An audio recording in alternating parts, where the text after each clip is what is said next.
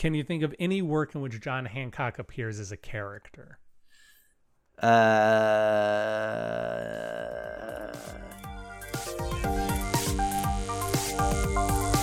Well, I'm not a crook.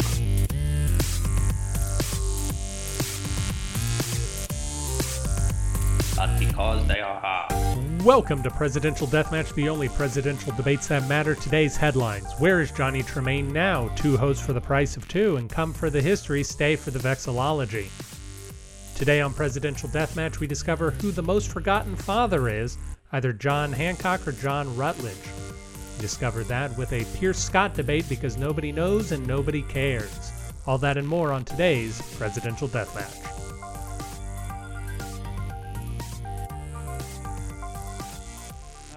Hello everybody. Welcome to Presidential Deathmatch, a podcast that has two hosts. Wow. Who knew? Two hosts. It's crazy Yes. times. For those who don't remember, this is Aaron Garrett. And this is Dennis Buddy, and we are the President's Death Smatchers. Yeah, Dennis, how are you doing today? I'm good. a little coffee, so pardon Right. any issue, issues there. And not the sort of coffee you like, No, because because you are a coffee fan. I am. Unlike you, as I around. discovered. That is true. I do not like coffee. You stayed in my place while I was out of town recently, and hmm I said, "Do you drink coffee?" And you said, "Nope." And I was like, "Oh, because we have like, we have like, probably like thirteen bags of coffee in our apartment right now." Yeah, yeah. No, I I figured it was gonna be uh it was gonna be a moment of rejecting hospitality. but it Yes. was a moment that had to be had. Well, it's so good to see you, uh, with or without COVID.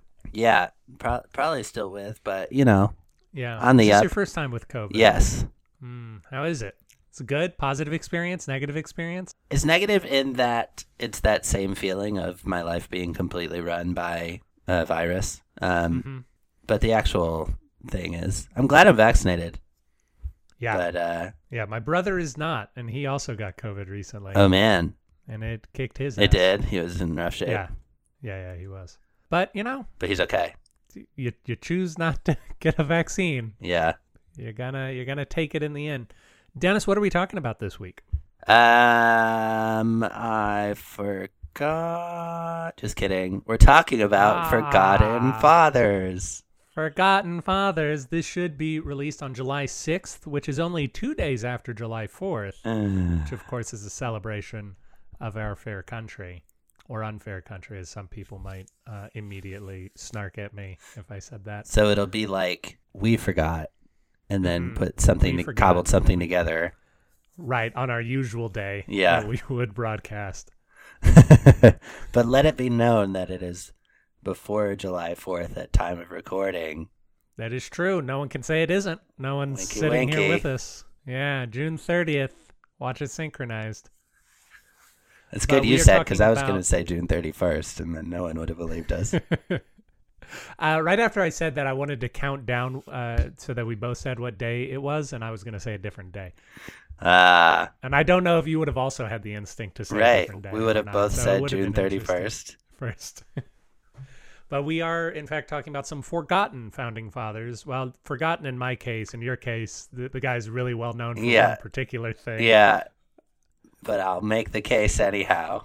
Yes, indeed. And and we're going to remember some people who received electoral votes in our very first presidential election. That is the presidential election of 1788, which was a bit ago. yeah. Uh, before we do that, Uh oh. Uh oh, Is that a goat with a package? it's the retraction goat. Oh my gosh. yeah. Holding. It ate most of the package, but there's still a small amount of retractions. Dennis, it's been quite a while Yeah. since we've had a regular episode. I believe the last episode we planned that got canceled was the Super Bowl halftime episode. And of course, you appeared uh, like we, we did the diplomacy episode and we did the uh, the birthday episode, but those were kind of odd. mm-hmm. So so we've got a whole lot of retractions to choose from. Wow. Is there anything you want to say while we're in this retraction segment? I don't know. I I mentioned this to you. I liked the uh, McGovern stuff a lot. Yeah, thank you. So I like. What's what's your feeling on McGovern? Because uh, based on my research, McGovern seems like the kind of guy you'd really like. yeah, yeah, I I think so. Just kind of going, just kind of do yeah, stu- stuck to his his whole thing pretty well, which is always nice to see. Yeah, and it was also yeah, it was some good jokes in that one. Thank you. I, I do try every now and again to throw in a good joke. But but McGovern was an interesting guy to learn more about. I was especially interested to see that he sort of created our primary process, Yeah. which has been so contentious recently. Dennis, have you had a chance to listen to the episode that was released yesterday as we're recording? this? Um, I don't think I have. But That's fine. It's an abortion episode. Right, I so I'm sure see that it's going to be extraordinarily popular. so we talk about a guy in that episode named Dr. Uh, Benjamin Spock, who ran for the People's Party in 1972. And a fact that I learned about Dr. Spock that I did not put into the episode is that he wore his first pair of blue jeans at age 80 at the behest of his wife. Wow. And he said they're comfortable, but I think I'm going to go back to my slacks. Oh my gosh. yeah. He couldn't. He had no choice at that point. Like, he couldn't be like, "Wow, these are really I great." wasted so much I of my life. yeah, like that's just not. No, was not to be for Dr. Spock. I, I'm struggling to remember. Of course, we talked about Roseanne. Oh, here's an interesting uh, thing. Uh, two weeks ago, for your birthday episode, we, of course, talked about your favorite presidential candidate, Roseanne Barr. Yeah, that that was something that I was considering retracting in this today here. That, Also uh, that- your undying love for Roseanne Barr? Yeah, yeah. Also, just the core concept being wine. Sometimes it's hard to come up with a name, but that's apparently what your name means. Oh, well, it means file, follower ah, of Dionysus. Yes, uh, indeed. God, Yeah. God of wine and theater. hmm Which indeed. Roseanne has equal claim to both of those. That's you are correct, as well as the Maenads. Do you know the Maenads, where we get the word mania, if I'm not mistaken, who are followers of Dionysus, who uh, purportedly would get they were women who would get very drunk and then rip people apart with their Oh, bare right. hands. Like in that in that that play called yeah, Dionysus. Hamlet. Dionysus Hamlet, right? yeah, yeah, yeah. That's what happens in Act Three. It's what causes Hamlet and Laertes to finally set aside their differences and work together to defeat these broads. Yep. But uh, but Roseanne said this is another bit of research I saw that so she ran for the Peace and Freedom Party, right? And she said in 2016, 2017, it was around the time she was getting attacked for supporting Trump, that she had no intention of ever voting for anyone but herself for president, which means she doesn't support the party that she ran with. Right. She only supports them so far as they nominate Roseanne Barr Mm-hmm. To to run, which I think again just goes to show how how lovely the woman is. Yes. And I think a question you brought up on the episode too was to what extent is the whole thing a ruse or like Right. you never know like Right. is she serious or not and um Yeah. yeah it's which is I say nay. yeah Uh, do you have any other retractions? I don't believe so All right. Well, then I'm gonna send the retraction goat on its way, and perhaps it shall return again some other day. one can only hope for it Bye, it retraction to know goat. give it a slap on the booty Mhm. send it on its way Dennis, I'm gonna start with some questions for you. Okay. okay And and I believe in you because I, I think all of these questions have been answered on this podcast before. uh-oh So both of them we Uh-oh. are dis- both of the Johns we're talking about today. yeah a couple of Johns here. Uh, they both received electoral votes in the election of 1788. We don't really consider them presidential contenders. Right. So can you tell me how the electoral college was originally set up? Like what what was the system like and how did it change and what changed it in American history? Oh man. Well, one one major thing was yeah, you just you people would just get together and decide who they were going to put their votes behind and it wasn't it was not appropriate to campaign. So you would Right. sort of make it known that you were in, you would be in, interested and then had to get nominated. Similar to like how more casual things would work like if you were going for class president or something uh, at some high schools, I think you do just go out and campaign real hard. But I think there's a lot of situations where it is like that still, where like someone has to be like, oh, I think they'd be really great, and like nominate you, and maybe you make it known to a friend or something. But other times you just get nominated. So it's it Yeah. kind of you can understand how it's the less formalized version of the whole thing. And then the other big thing is that the person who came in second was vice president, so it wasn't campaigning as a pair.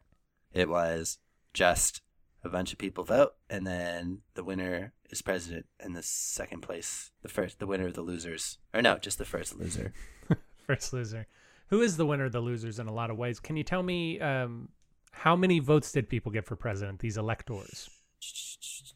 I don't, I don't know that Mm, it's one. the, if it's two, they get two votes for president. So so you have to cast two votes, okay, one for somebody, one for another person, and that's where the uh, because of course the the original intent, the the founding of our country did not want a direct democracy.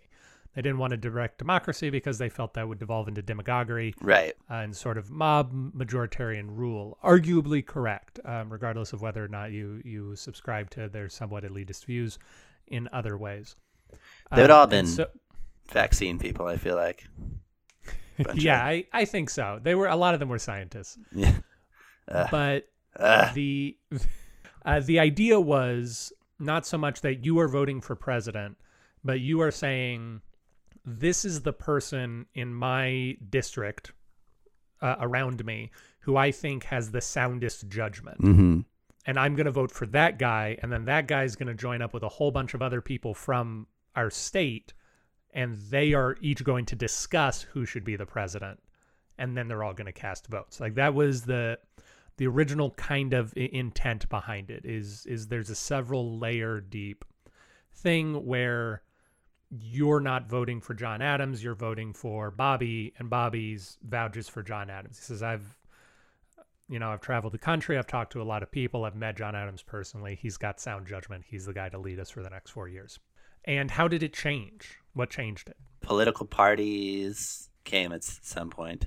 That's true. But literally what changed it? Oh, the um, uh, I don't remember. I know The 12th Amendment.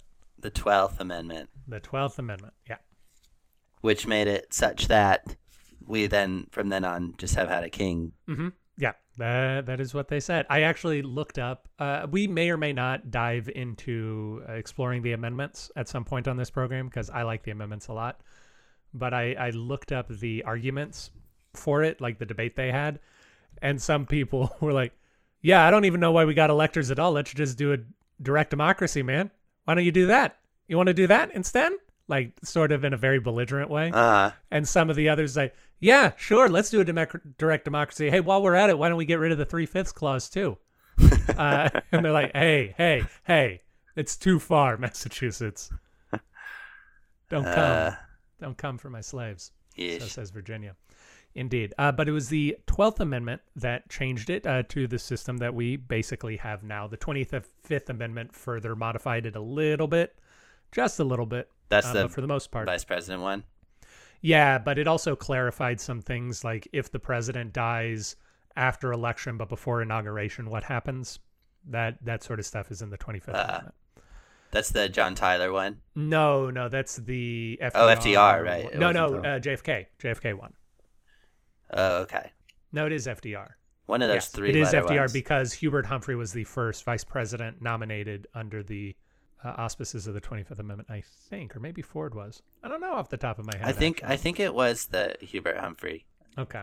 Um, it's it's hard to say with Humphrey because there was an ele- it, the next year was an election year. So Johnson was only president for about a year mhm. before he was elected under his own power. Uh, and before before we leave this history lesson, Dennis, do you know what the term favorite son means? oldest. Often, yes. Because of course Ty Buddy is the favorite son of all Uh. the buddies. And Aubrey Langston is the favorite son of my family. I don't I don't know in this context what that what that's referring to. Yeah, it gives me like a Proud Boys vibe, but I don't know. A little bit. So, favorite son is the idea that uh, the state states are their own polities, right? The, the great state of Illinois is a proud place with its own culture, and Illinois may have a very prominent politician. I'm not going to use Illinois because the last prominent politician was Barack Obama, so that doesn't work. Um, So so let's say uh, it has to be a proud one. So, Yeah. Wyoming. Um, well, I'm, I'm let, let's say, uh, well, Wyoming's Republican. I'll just uh, name a. be- You just want me to name yeah, states, just right? name a state. Just name a state for me. Um, not Wyoming. Illinois. No, I'm just kidding. God, Um, uh, any state, any state at all. Nevada. Pick a state, any state. Uh, okay, Nevada. That was a tough Uh, one. That was a. Nevada's 12, 12th senators- Amendment. Nevada senators. That's that's interesting because I keep saying Dean Heller, but that's not right. Uh, Jackie Rosen. Jackie Rosen was just elected. So Jackie Rosen is a prominent politician from Nevada, right? And everybody knows that Jackie Rosen isn't going to be the next president. She's not big enough to be the next president. But what they used to do in nomination committees, uh, up up through uh, the the 80s, really, is Nevada might on the first ballot nominate Jackie Rosen and say Jackie Rosen is is Nevada's candidate for president as a sign of respect for all that she has done for the state.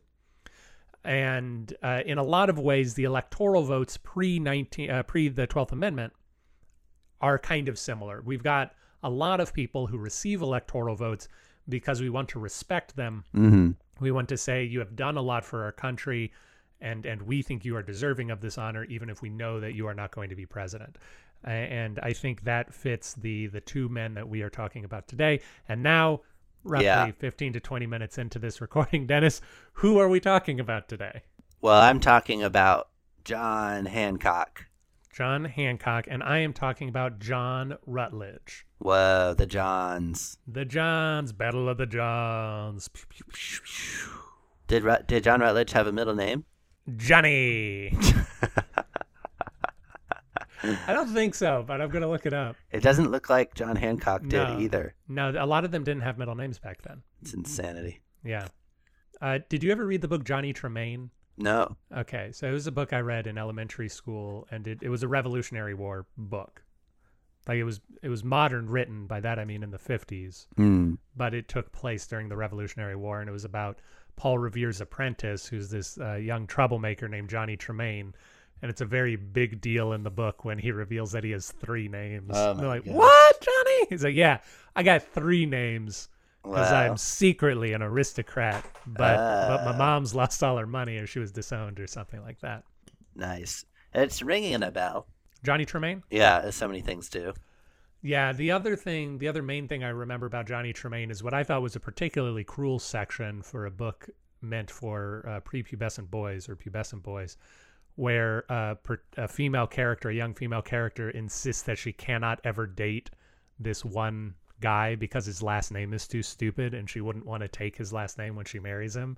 Nice. And I thought of that. Why would you do? Why would you give people another thing to worry about? this is this is a cruel moment, Johnny Tremain.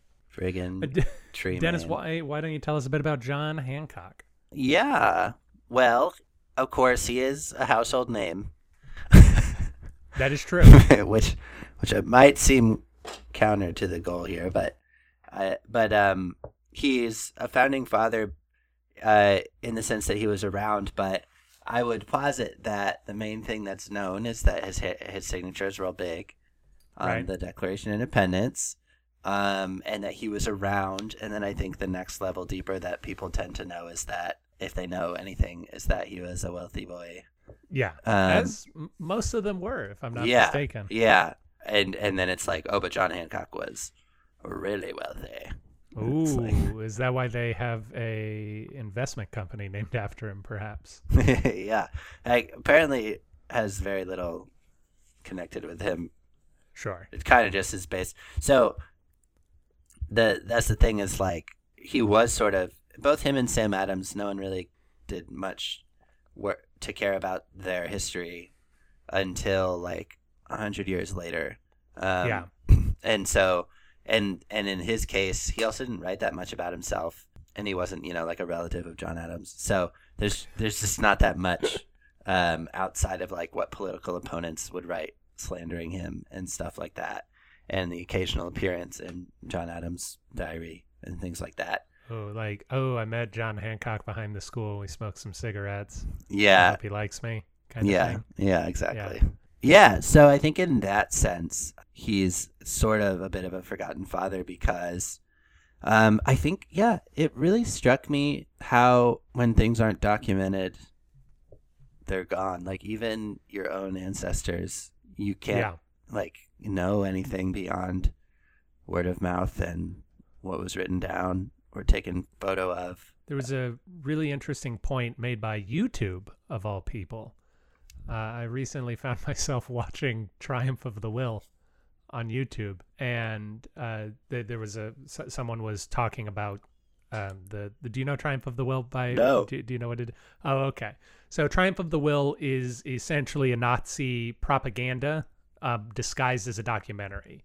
So it it Uh. was this this big thing that showed um, in World War II hadn't quite started yet, but uh, the Nazis were militarizing and mobilizing. That was just like, look at how happy everyone is and how strong our country is and how we can march so well. Uh, and it has been frequently put up as this uh, masterpiece of cinema. And the idea, that, yeah, the ideas behind it are pretty bad, but the way that the director uses the camera, because this is the 30s when everything is still being found out and new Right. the way the director uses the camera, the way the documentary techniques are used, story techniques. That this is like a really good example of filmmaking Right. that we should watch and learn from. Um, and and what the, the the YouTuber was pointing out is that we don't actually have a whole lot of uh, video or documentary uh, or even written commentary on the Nazis apart from what they put out. And they, of course, would be very likely to put out things that looked favorable to Right. them. And even the idea that this is a piece of good cinema was an idea that they were pushing up there. Right. So it, it yeah, it, it's very much the same as like if it's not written down, it's it's hard to believe. Yeah, yeah. And so, like, the first biography of Hancock wasn't written until the 20th century.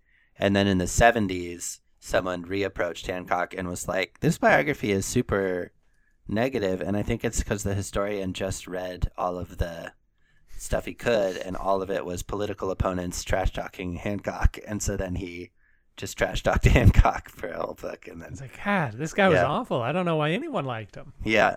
Yeah, so that's kind of that's what I'll say for now. Uh, he was president of Congress. The Uh, Second Continental Congress. Yes, exactly. Because my guy was president of the First Continental Congress. Bow, bow, bow. Didn't expect that. Mystery John, John Rutledge, enters the arena. Less of a signature guy. Yeah, more of a smack 'em ups, hanging out in South Carolina, absorbing British cannonballs, which is a real thing that I'm excited to talk about because it's a really bizarre account of something that happened. what? Yeah, no, it's it's cool. We'll we'll get there eventually. So my guy is John Rutledge, who is a big South Carolinian. He was born in 1739, and uh, his mom was wealthy, and so he inherited a lot of her wealth. And apparently, a combination of that wealth plus his own natural ability allowed him to get a jump start in life, and he was known as this very, very well-known uh, lawyer in South Carolina from a young age and he was incredibly successful up until something happened. And Dennis, do you know what happened? You said he was a lawyer? He was a lawyer. Uh, this was in the probably 1750s. I don't want you to look anything up quite yet. Certainly don't look in my notes. But but um, something happened in the 1790s to him. Okay. So we're jumping a lot of his life. yeah, and, yeah. and we'll go back in and fill those details as we do the episode. But John Rutledge, does that name mean anything to you? well, I feel like I've I remember the Chief Justice stuff, like that he was the Chief Justice. You are correct because you, in fact, have previously talked about John Rutledge Okay. on this program. Was he the one who tried to kill himself? He is the one who tried to kill himself. he yes. he jumped off it's a inappropriate cliff. for me to laugh. that, it was just nuts.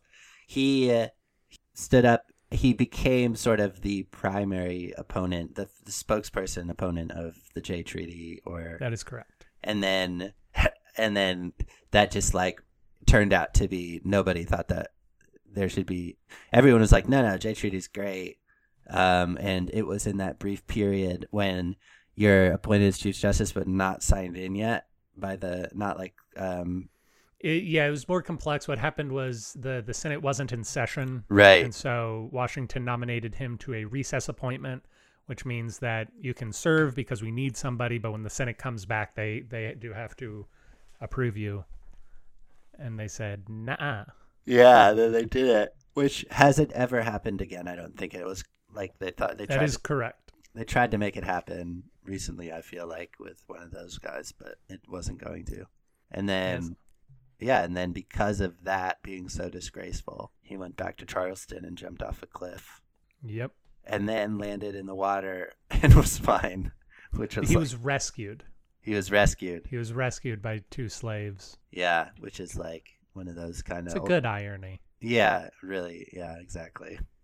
That to fail even in your attempt to To to kill oneself. stop Specifically of the. Of the Jay Treaty, he said, "Dearly as I love Washington, I would rather see him dead than to see him sign the treaty," Mm, which did not strike the the new Americans well.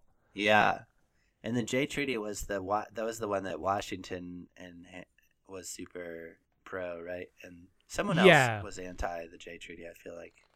A lot of people were anti the tone of the Jay Treaty Mm. because they felt that it was too servile. Because But, that's uh, what made us work again with England. That was like foreign Yeah. relations with England.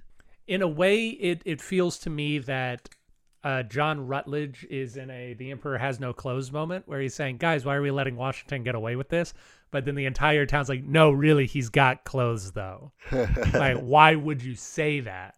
Because it wasn't a great treaty. But uh, as we also saw in the Quasi War with John Adams a couple of years later, probably best not to get into a fight. yeah.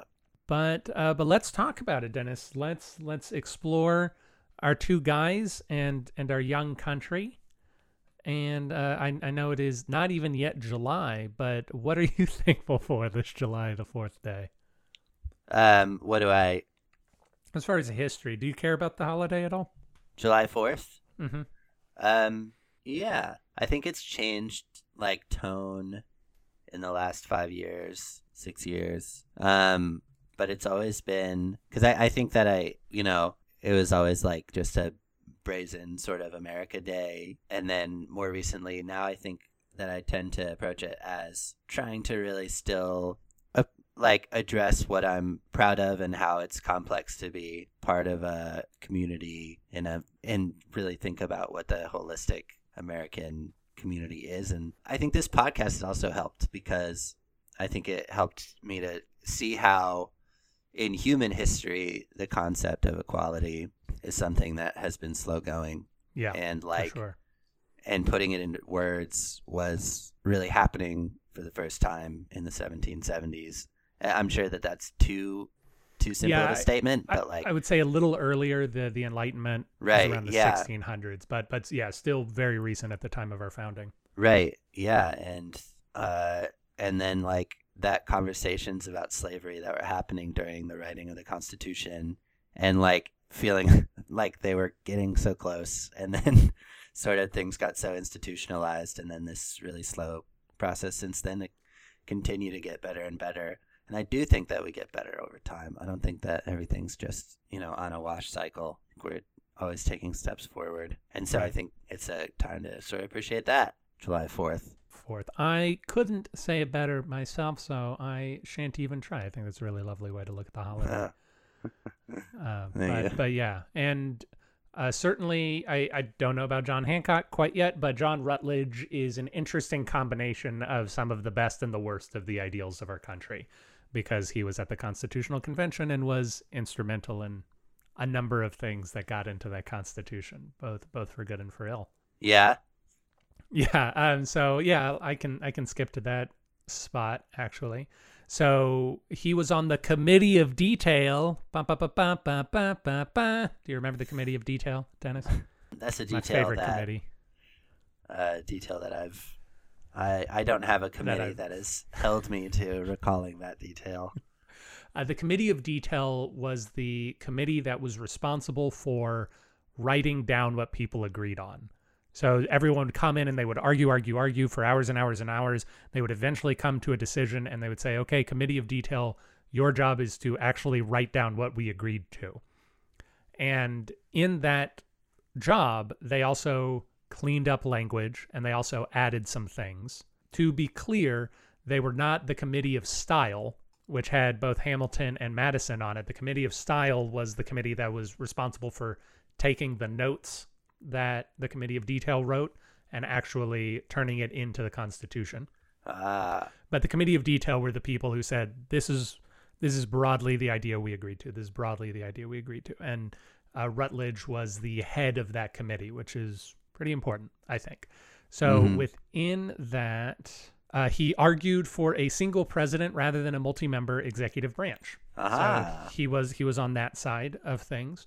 Uh, he he specifically said that he felt that a single president would feel the pressure to make decisions more acutely, and so you wouldn't be able to avoid a decision. You wouldn't be able to slough it off onto another co-executive and say, "Oh, it's really his job." It's we want this pressure on one person.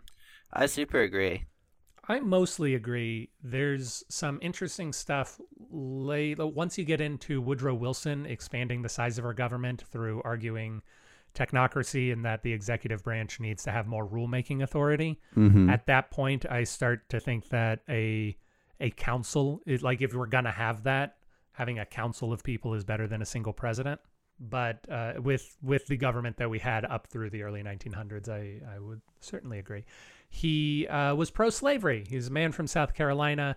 He specifically said, if there's not if slavery is banned from this constitution, the South will not vote for it. So we've got we've got him to thank for that, at least partially. It's not all on his shoulders, but but a bit. Uh, nice. so, Dennis, there's been a lot of talk about the Supreme Court lately. mm-hmm. Have you heard uh, in in your daily life because you're not a political person, right? You're you're uh, you're a normal person, I would say. Mm. Yeah. Uh, have you heard anything about when people are angry at the John Roberts Court, what they are angry about? In the sense that uh, when people criticize John Roberts' tenure as Chief Justice of the United States, what are they criticizing? If there is a general theme. As so, you mean like, what was the theme of the decisions that were? Not Like- specifically these decisions, but like since 2005, when John Roberts took the Chief Justice position, the way he manages the court, there's a particular complaint that a lot of people have. Do you know what that complaint Oh, is? interesting. I don't. I don't know. Okay. So, and it actually came, uh, was in his concurring opinion in, in Dobbs v. Jackson uh, mo most recently. But uh, John Roberts likes to decide issues as narrowly as possible. Oh, okay. So if he can find a way to make a ruling on a case that doesn't involve answering fundamental questions about constitutional law, he wants to do it. So if he can Mhm. find a procedural reason or organization or organizational reason, he he wants to deal with it because he he thinks that the court's role is to not weigh in if it doesn't have to. Mm-hmm. He doesn't want the court to overreach, essentially. Yeah. And John Rutledge, yeah, John Rutledge argued, as successfully it seems, to not allow the Supreme Court to be able to make what's called an advisory statement, which is to say that the court is only allowed to issue rulings when there is a case in front of it. Right. Whereas, let's say, um, there's been a lot of talk since 2010 about whether the Affordable Care Act is a constitutional law or not. Parts of it have been rendered unconstitutional. Parts of it have uh, have been rendered constitutional. And theoretically, if the Supreme Court were allowed, quote unquote, to offer an advisory statement, then the Supreme Court could, without any suits being brought from the Affordable Care Act, say, "Mm, based on our general understanding, we believe these parts are constitutional and these parts are unconstitutional. It's not true until someone brings a case, but that's where we think we're at. I see. And John Rutledge said, can't do that. Supreme Court can only talk when a case is brought. Yeah. Okay. That seems like a good choice. I think so. I, I think that uh, you don't want an activist court and you don't want a court, Yeah. you don't want a celebrity court, right? Yeah. And advisory statements seem like a pretty good way to get a celebrity court, people who are just putting statements out to the press because they want attention. Yeah. At the same time, we have a lot of blatantly unconstitutional laws that go on the books and affect people uh, because it's difficult to get a ruling on them sometimes, or it takes a little while to. And finally, one of the other big things that Rutledge did at the Constitutional Convention, which I like, is he said that um, suffrage ought to be extended to more than just landowners. So for a little while, they were thinking about putting in the Constitution that only people who owned land could vote. and he said that's going to create two classes of people. We don't want that. Let's ignore let's ignore the other classes of people that can't vote. Right now, we don't want to build up animosity between landowners and renters. Yeah. Yeah, that would be a shame. Yeah.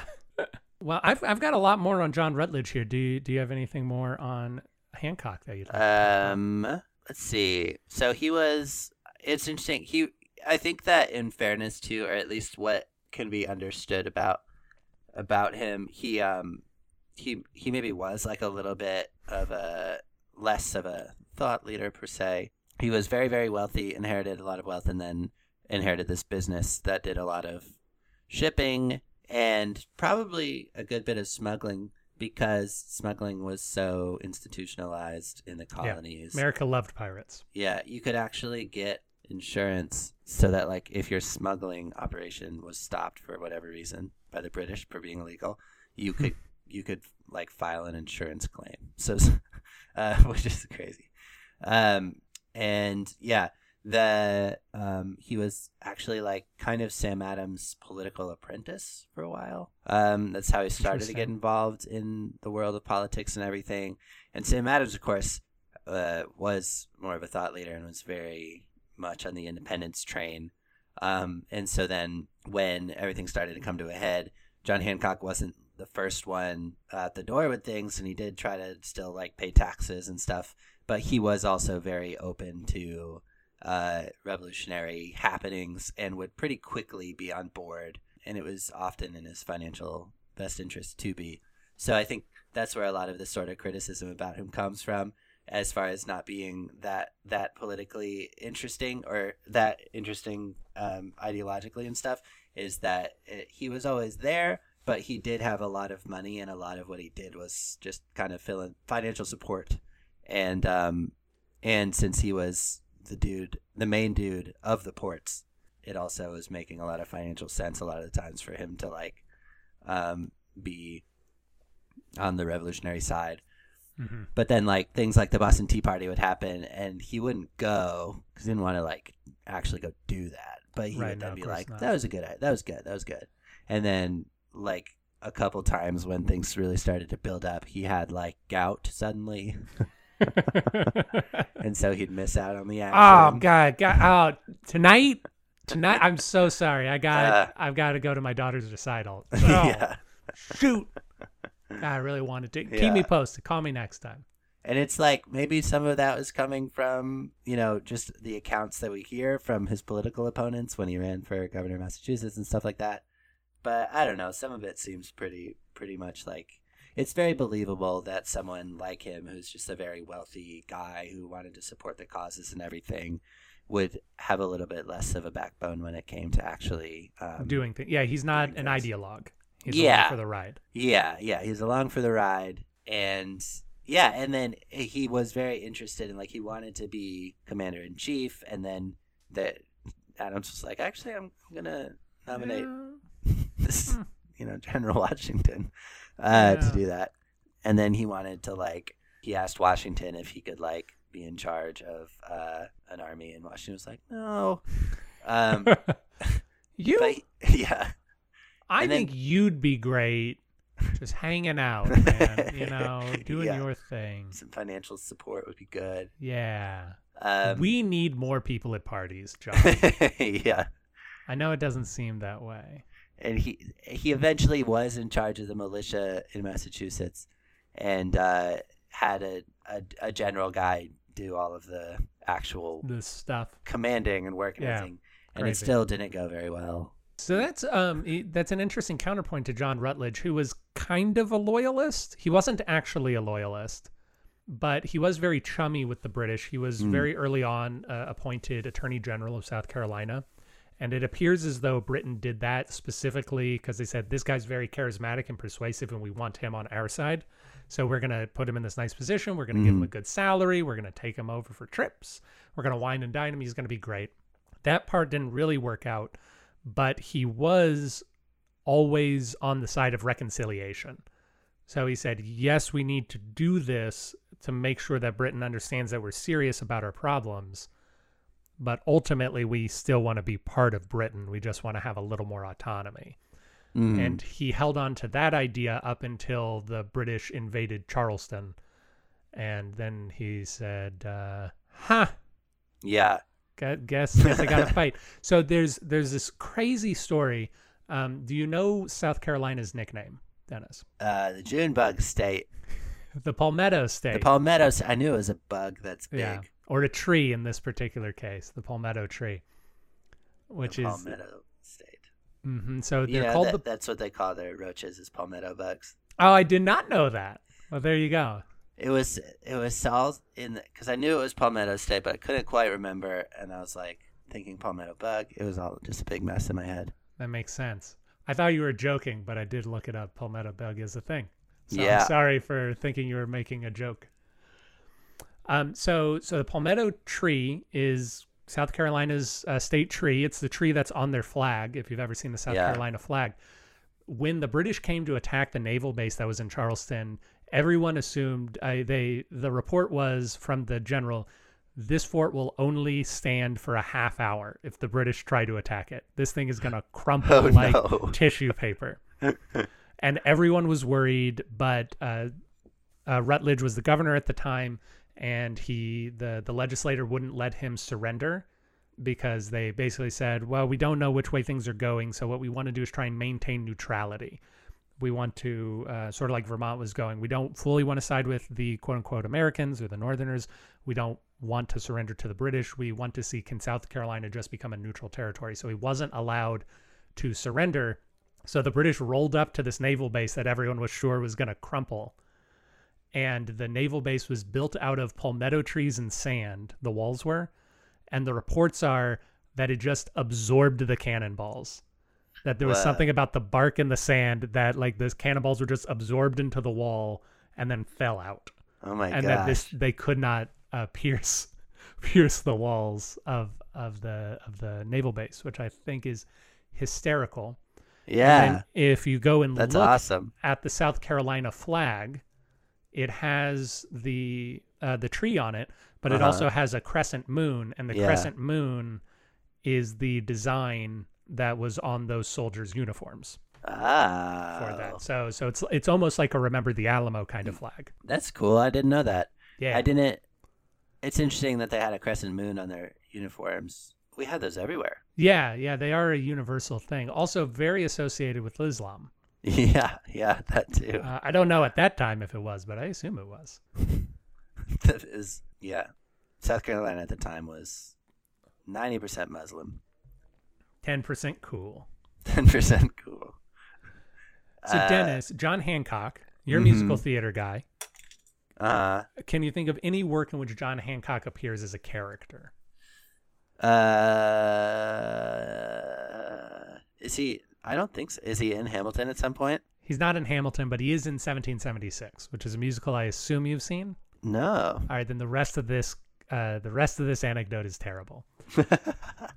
But uh, 1776 is a very popular musical. It's very good. I highly recommend it. There's a great filmed version of it. You should Okay. watch it. Everyone should watch it. It's Oh, man. delightful. John Hancock is a fairly major character. In addition, there is a character named Samuel Rutledge, ah. who is John Rutledge's younger brother. Oh. and he is he is representing and he's he's one of the main antagonists in the show he's a guy who's opposing independence and he sings the song molasses to rum to slaves uh, which, is the about triangle John trade. Rutledge being the favorite son, and he's wishes yeah he was. and he wishes he were he wished that he had the molasses and the rum and the slaves to be the favorite son uh, but edward rutledge is ultimately the guy who gets thomas jefferson to take out the language condemning slavery in the Oh, in the declaration okay, interesting. Uh, little Samuel. Baby Sammy. I was about to get very inappropriate that song, so I'm glad I stopped in the middle of it. Dennis, do you have any final thoughts on Um, John Hancock? I think like what you're saying about him being sort of like a loyalist until pretty late. It's I think not that way with John Hancock because he was right in Boston, but he Right. did have that interesting thing where he was like so wealthy and working in shipping, so really did have relationships with British people. He lived in England for a couple years. Like you know, he had to be the one talking to the people at the port and everything. Um, but at the other hand, he was like he was um, like Sam Adams was his mentor, and he was like right in the middle of everything, and got really politically involved really quickly. So yeah, it's it's uh, I think maybe was a more personally interesting thing for him, and it's a shame there's not more to kind of know because everyone was truly, I think, embodied as far as the conflict went. Bluebell. she wasn't there when I I was there Aw, we could have. We should have just left her here. for a week. Yeah, yeah, but but yeah. Then in a kind of classic ways, he was he was always a little hesitant, but then kind of jumped in with everything hmm and was well liked because of the money he gave to people, and was always pretty good at being a philanthropist. And he died in his fifties. A lot of these dudes died young. Yeah. I guess your guy died at 61 or something. Yeah, he died at 60. They lived for almost the exact same amount of time. Yeah. Or the same years, I mean to say. My final thought on John Rutledge is uh, he is could be considered not actually, but he was the first president of South Carolina because briefly during the Revolution, South Carolina declared itself an independent republic and elected John Rutledge as its first president. He later became the first independent governor, uh, independent of the crown of South Carolina. And he was given, as an executive, so much power by the legislature in order to wage war against the British that the only thing he was not allowed to do was execute a citizen without a trial. oh my god! But any anything else he wanted to do, he could immediately. He was basically a king, except he could not do that. Mm. And uh, we didn't even get to the fact that although he was a failed Supreme Court uh, Chief Justice, he was in fact one of the first Supreme Court Associate Justices with John Jay, who was one of the original five. He Mm. resigned about two years in in order to become Chief Justice Chief Justice of the South Carolina Court. Uh, okay. And then next week during retractions, I can tell you about his brief but exciting Supreme Court Justice days. Ah, yes. Uh, but the final thing we should do, Dennis, is look at the actual electoral vote count in 1788. Of course, 10 states voted in that first presidential election, Washington getting 69 electoral votes, what was considered a unanimous victory. Mm. John Adams got 47 or so, coming in second place. John Jay actually came in third, and then John Rutledge tied for fourth for, with six electoral votes with a man named Robert Harrison. And how many electoral votes did John Hancock get in 1788? Four. Four. I believe he would count as sixth in that case. Friggin' killed it. Yeah, more electoral votes than I got. I can tell you that right now. Yeah, I think there's some confusion about it Hancock that he thought he was supposed to be president, and he was like, "What? I didn't win," and stuff. And apparently, it's all based off of one thing John Adams said in his diary, where he was like, "Hancock said he had wished he had been commander in chief," Hmm. but you know, But he didn't. yeah, Not this time, Hancock. Well, thank you everybody for listening. We are excited to get back in the habit of doing these in a more fun, regular way. As always, send retractions to contact at and we will see you next week. Bye.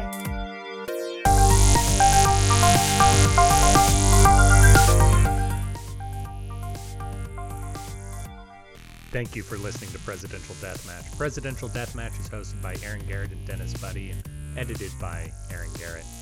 If you like the show, please consider giving us a review wherever it is. You can do that, we'd really appreciate it. If you didn't like listening to the show, well, why don't you come on back and give us another try? We really grow on you. If you want to reach out to us, you can do that at contact at pronoiatheater.com.